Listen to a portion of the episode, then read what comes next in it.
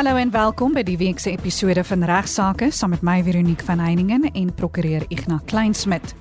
Ignas bespreek vandag 'n saak oor 'n beseerde persoon wat skadevergoeding eis van die eienaar van 'n huisdier. Dan praat hy ook oor testamente. Dood sien die einde nie, litigasie by die boedel lê nog voor. Kom ons vermy dit ten alle koste. So belangrik daarom dat die wense van die oorledene, dis nie die testateur of die testatrise of haar gesamentlike testamente behoorlik verstaanbaar moet wees. In die tweede deel van regsaake sluit spesialis Gasriet Oosthuizen van Riet Oosthuizen Prokureurs in Pretoria by my aan. En Riet spesialiseer in familiereg en praat vandag oor onbestrede egskeidings.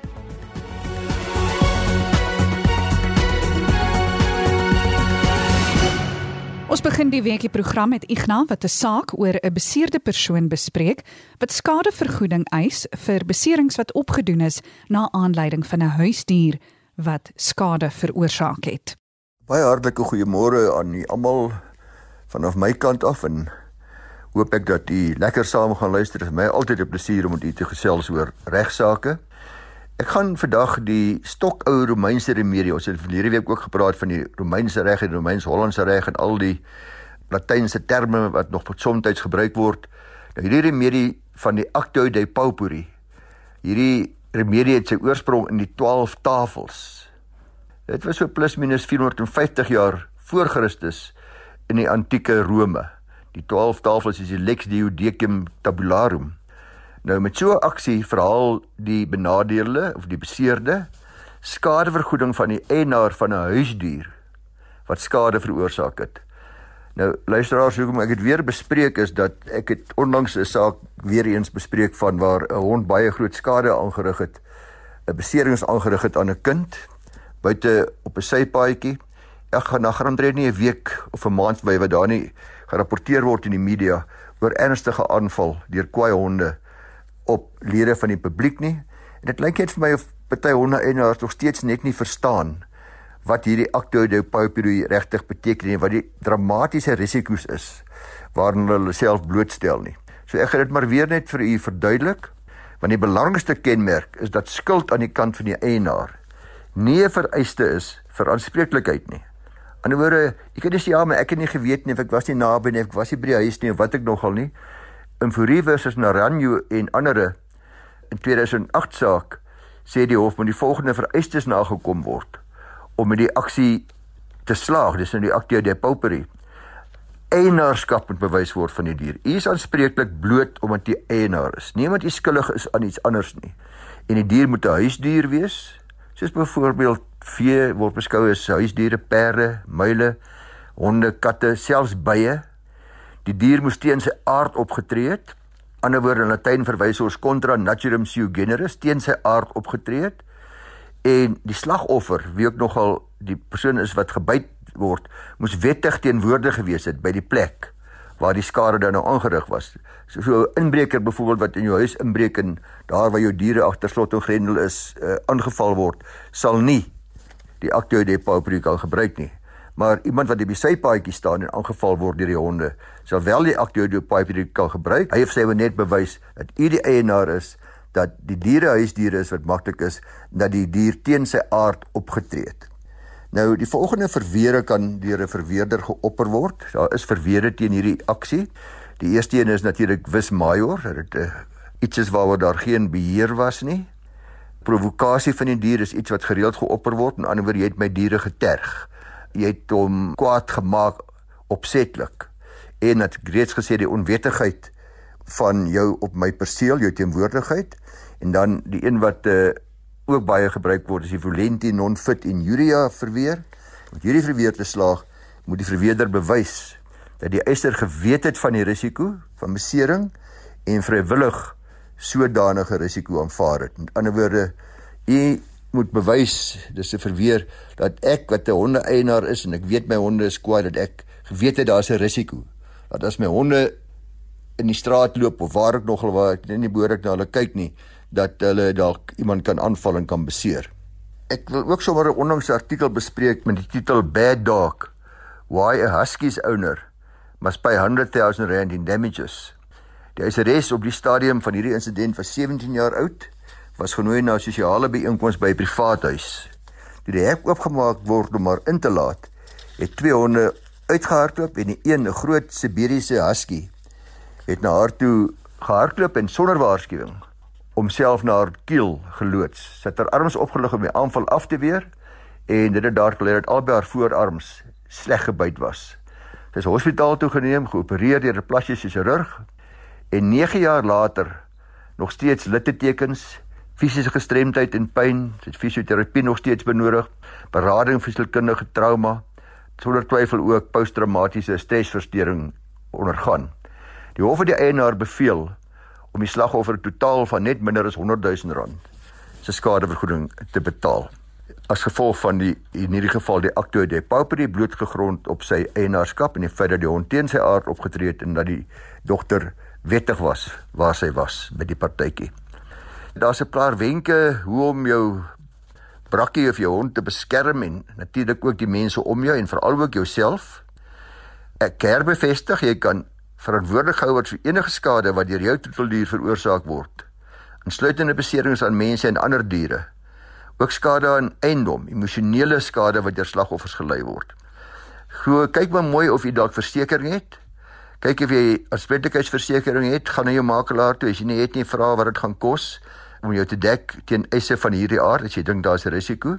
Natuurlik belangrik is sosialiseer met jou hond. Lei jou hond behoorlik op. Maak seker dat jou hond nie buite sy aard sal optree en mense aanval nie. Maar met meer belangste van alles, hou jou honde te alle tye onder behoorlike toesig. Kyk ook uit ter waarskuwingstekens. Wees bewus van tekens van aggressie, vrees, stres by jou hond of by jou dier. Soek professionele hulp van 'n gekwalifiseerde dieregedragkundige of afrigter as jy dink daar is 'n probleem in wording. Laastens maar gaan na u prokureur toe, kry regsadvies as jy ooit by so 'n voorval betrokke is, gaan dadelik na u prokureur toe dat die saak beoordeel kan word, dat jou regte behoorlik en jou verduidelik kan word en jy dat die nodige regsprosesse gelei kan word. Baie dankie aan Susan de Wet, 'n bekwame jong prokureur by Van Velden Duffy wat my gehelp het met hierdie navorsing oor die Actio de Pauperi en ook met verlede week se artikel of praatjie wat ek met u gehou het oor die reg van ons almal om deel te neem aan die wetgewingsproses. Ek gaan praat nou oor testamente en die belangrikheid van die opdatering daarvan. Luisteraars, ons is in die begin van 'n nuwe jaar, onthou asseblief tog ook. En ek vra dit gereeld om seker te maak dat u testament nog in orde is, want dikwels is daar veranderde omstandighede waarvan mense vergeet. Byvoorbeeld, wel, dit is nie maklik van 'n egskeiding vergeet nie, maar ek sien dikwels dat mense geskei is en dan nagelaat het om hulle testamente verander. Jy kry ook dat daar van die erfgename is wat afgesterf het en dan die testament nie gewysig om nie meer vir hulle voorsiening te maak nie. Daar's ook baie keer bates wat nie meer bestaan nie of nuwe bates. Ag, verskillende veranderde omstandighede waarvoor u moet voorsiening maak in die testament sodat u testament se interpretasie baie maklik kan wees. Ek het vir uh, Janus Olivier daar by van Velden Duffy 'n jong direkteur daar gevra om bietjie vir my te sê wat hy dink hoe mens testamente die maklikste kan interpreteer. Want hy in ons boedelafdeling en hy weet dat die hoogste hof van appel moes al dikwels uitsprake gee oor familietwiste en waar die uitleg van testamente ter sprake was en waar daar dubbelsinnighede was en die hof het al genoem ek haal aan death is not the end there remains litigation over the estate Doods nie die einde nie, litigasie by die boedel lê nog voor. Nou kom ons vermy dit ten alle koste. So belangrik daarom dat die wense van die oorledene, dis nie die testateur of die testatrice of haar gesamentlike testament het behoorlik verstaanbaar moet wees. Dis baie keer nodig om maar meer te sê as wat jy eintlik wil om seker te maak daar's nie misverstande nie en jou wense behoorlik uiteen te sit. Dit kan ook soms die teenoorgestelde effek hê. Heel waarskynlik sal 'n testament wat dubbelsinnig geïnterpreteer kan word, dikwels lei tot twiste tussen die erfgename. Elke erfgename natuurlik hierdie testament moet tot sy of haar voordeel uitgelê word. Maar daar spesifieke reëls ontwikkel luisteraars wat gebruik kan word om u testament en ander testamente uit te lê en te interpreteer. En ons praat die mees bekende is maar wat ons noem as prokureurs die die golden rule, die goue reël wat vir die eerste keer al in 1914 in die hofuitspraak van Robertson versus Robertson deur die hof uitgespel was. Daardie hof gesê dat hierdie reël vereis dat die wense van die testateur vasgestel moet word deur bloot te kyk eerstens na die taal wat in die testament gebruik was. In ander woorde, die interpretasie van die taal. Sodra daardie wens dan vasgestel is, moet daar 'n uitvoering gegee word tensy dit dalk onregmatig mag wees. Met ander woorde, kyk wat sê die testament en volg dit. Net wanneer daar onduidelikhede of dubbelsinnighede bestaan, dan kan daar eksterne faktore gebruik word om die ware bedoeling van die oorledene te probeer vasstel. Ons praat dikwels van die leunstoel benadering, die armchair approach. Die hof probeer homself met ander woorde in die leunstoel van die oorledene sit om te probeer vasstel wat die oorledene eintlik bedoel het met hierdie woorde wat hy in sy testament laat skryf het. Maar sulke eksterne getuienis is nie toelaatbaar as die doel daarvan bloot is om die duidelike ondoelbesinnige bewoording van die testament te kontrasteer nie. In die saak van Spannenberg en ander versus Engelbreg en ander het die oorledene byvoorbeeld twee plotte aan sy drie kinders bemaak. Maar dit was onderhewig aan 'n reg van habitatio, bewoningsreg ten gunste van die oorledene se gade wie die stiefma van die kinders was.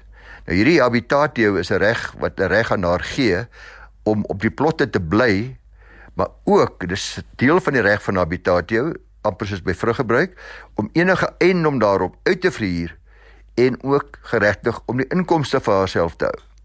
Die kinders het aangevoer dat dit nooit die bedoeling van hulle pa kon wees nie. Om hulle argumente steun het hulle na die huweliksvoorwaarde kontrak van die oorlede vader en die stiefma verwys waar die begrip habitatio spesifiek gedefinieer was om net na een van die twee plotte te verwys. Verder het die kinders ook aangevoer dat hulle mondelings met hulle pa ooreengekom het om die een plot tussen hulle drie te verdeel. Nou daar geen sprake is dat sy reg van bewoning op daardie plot sou kry nie of habitatio sou kry nie.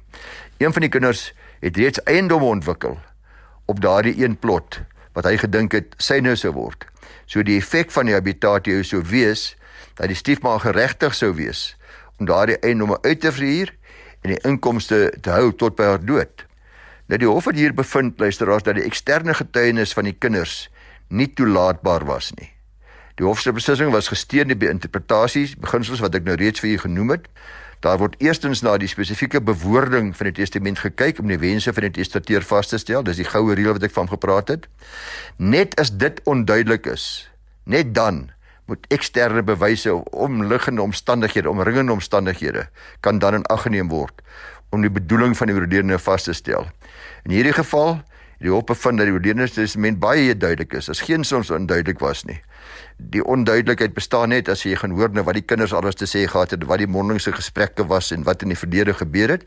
Maar die testament sê baie duidelik dat albei plotte kry die stiefma die reg van habitatio oor. So die beginsel kan met ander woorde soos volg in die taal van Jan Alleman opgesom word. Daar kan net na eksterne getuienis gekyk word om onduidelikheid op te klaar. Daar kan egter nie na sulke getuienis gekyk word om 'n duidelike testament onduidelik te maak nie. So, my raad, gaan kyk maar maak seker dat u testament duidelik is, dat hy nog presies is hoe u dit wil hê, dat die kinders dit gaan verstaan, dat die nuwe vrou dit gaan verstaan, dat almal wat erfgename is dit gaan verstaan. En as jy onseker is, gaan sien 'n prokureur. Daar's elke week soos jy weet is daar in September weer 'n testamenteweek waar jy gratis advies kan kry vir 'n nuwe testament. Maar belangrik is luisteraars, maak seker dat daar nie litigasie gaan wees na u dood nie. Luister weer 12:30 volgende maandag. Ek gaan bietjie met u gesels oor 'n lekker interessante beslissing waar 'n klein seun aangewys is as 'n regmatige eienaar van sy oupa se erfenis en gaan ook weer die vraag beantwoord of ek is as voog aangestel in 'n pa en ma se testament. Nou sterf die ma byvoorbeeld. Kan die pa dan nou ander voogde aanstel? Luister gerus volgende week. Tot dan, totsiens. Dankie Igna en in die tweede deel van regsaake sluit prokureur Reet Oosthuizen van Reet Oosthuizen Prokureurs in Pretoria by my aan. Reet spesialiseer in familiereg en sy gaan vandag oor onbestrede egskeidings praat. Welkom terug by regsaake Reet. Reet, wat is onbestrede egskeiding? Hier reg aan die begin van 2024 sê ek goeiemôre aan jou Veronique en goeiemôre aan al die luisteraars. Ek weet daar seker nog heel wat luisteraars wat met verlof is en dan is daar die wat minder gelukkig is en reeds soos ek terug in die tuig is. Nou dit is so dat die Desember vakansie 'n lang vakansie is en die realiteit is dat baie partye oor so 'n lang vakansie besef dat hulle huwelik nou net eenvoudig nie meer werk nie. En baie partye besef dit saam en besluit dan ook weet jy ons wil nie hierdie 'n lang uitgerekte duur saak maak nie. Ons sal dit nou eintlik graag op 'n goedkoop wyse wil doen, pynloos en so vinnig as moontlik.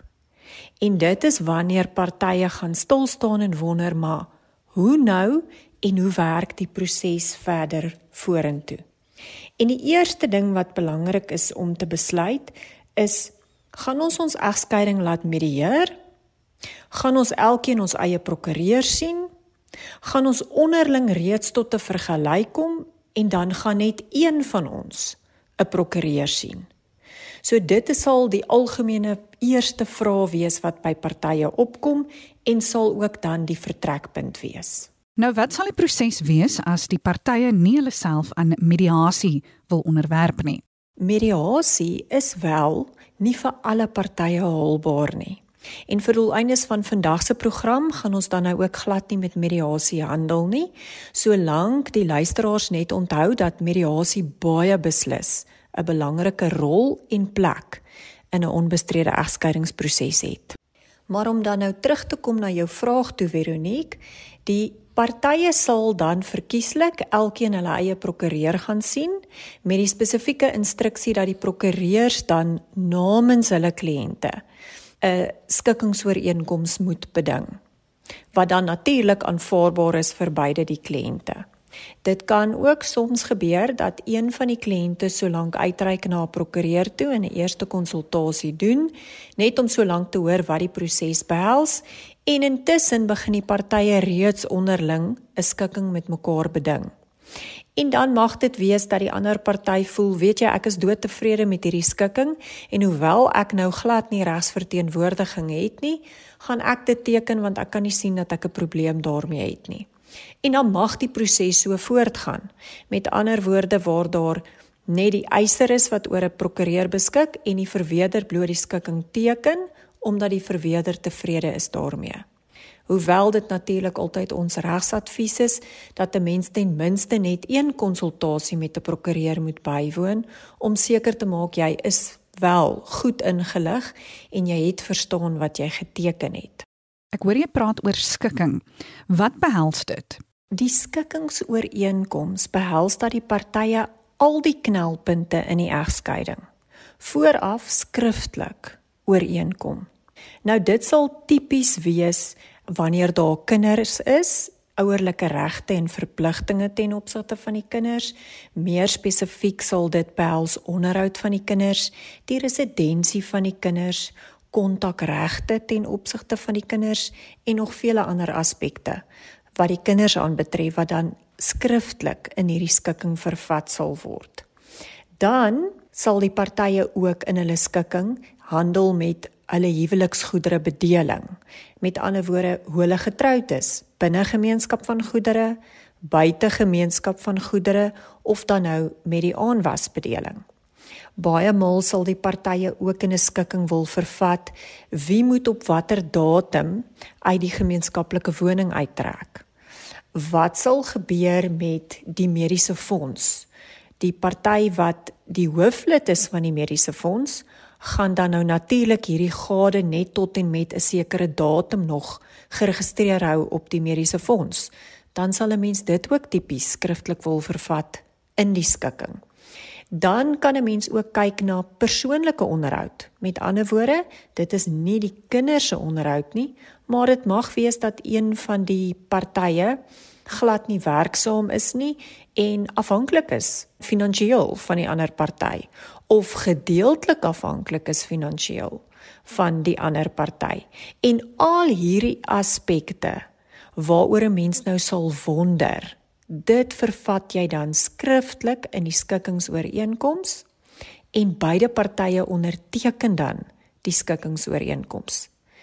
Natuurlik as een van die partye nie die skikking wil teken nie en 'n skikking kan nie bereik word nie, dan uit die aard van die saak kan hierdie egskeiding nie onbestrede afgehandel word nie en sal dit die normale lang litigasie roete moet loop.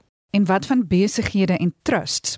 Sal dit ook in 'n skikking vervat word? Regstegnies sal 'n besigheid wat in 'n maatskappy is natuurlik nie deel vorm van 'n egskeiding nie, so ook nie 'n trust nie, maar partye wil dit baie keer steeds vervat in hulle skikking en is dit ook 'n goeie ding.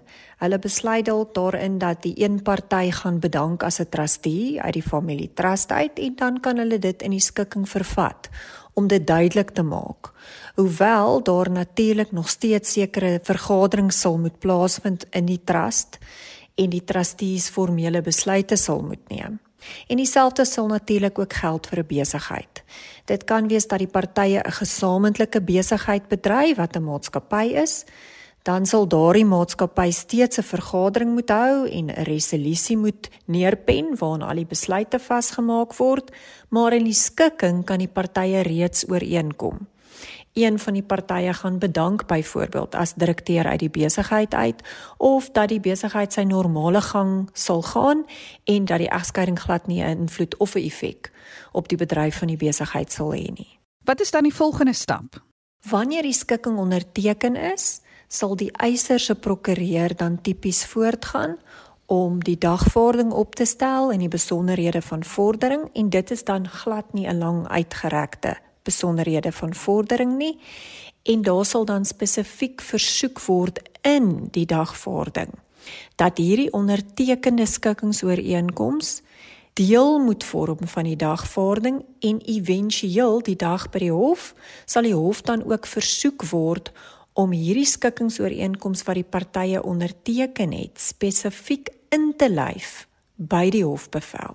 En net laastens, hoe lank wag 'n mens vir 'n hofdatum? Die hofdatums hang werklik waar af van die betrokke hof en hoe vol die hof se hofrol is. Normaalweg kan 'n mens enige iets wag tussen 3 weke en 3 maande vir 'n onbestrede hofdatum. Baie dankie aan Ignas Kleinsmid en Janus Olivier, beide van van Velden Duffy Prokureurs in Rustenburg vir hulle bydraes tot vandag se program. En natuurlik aan Riet Oosthuizen van Riet Oosthuizen Prokureurs in Pretoria vir haar bydrae tot vandag se program. Vir enige navrae stuur gerus 'n e-pos na my toe by vero@rsg.co.za. Van my Veronique van Heiningen, groete. Tot volgende week.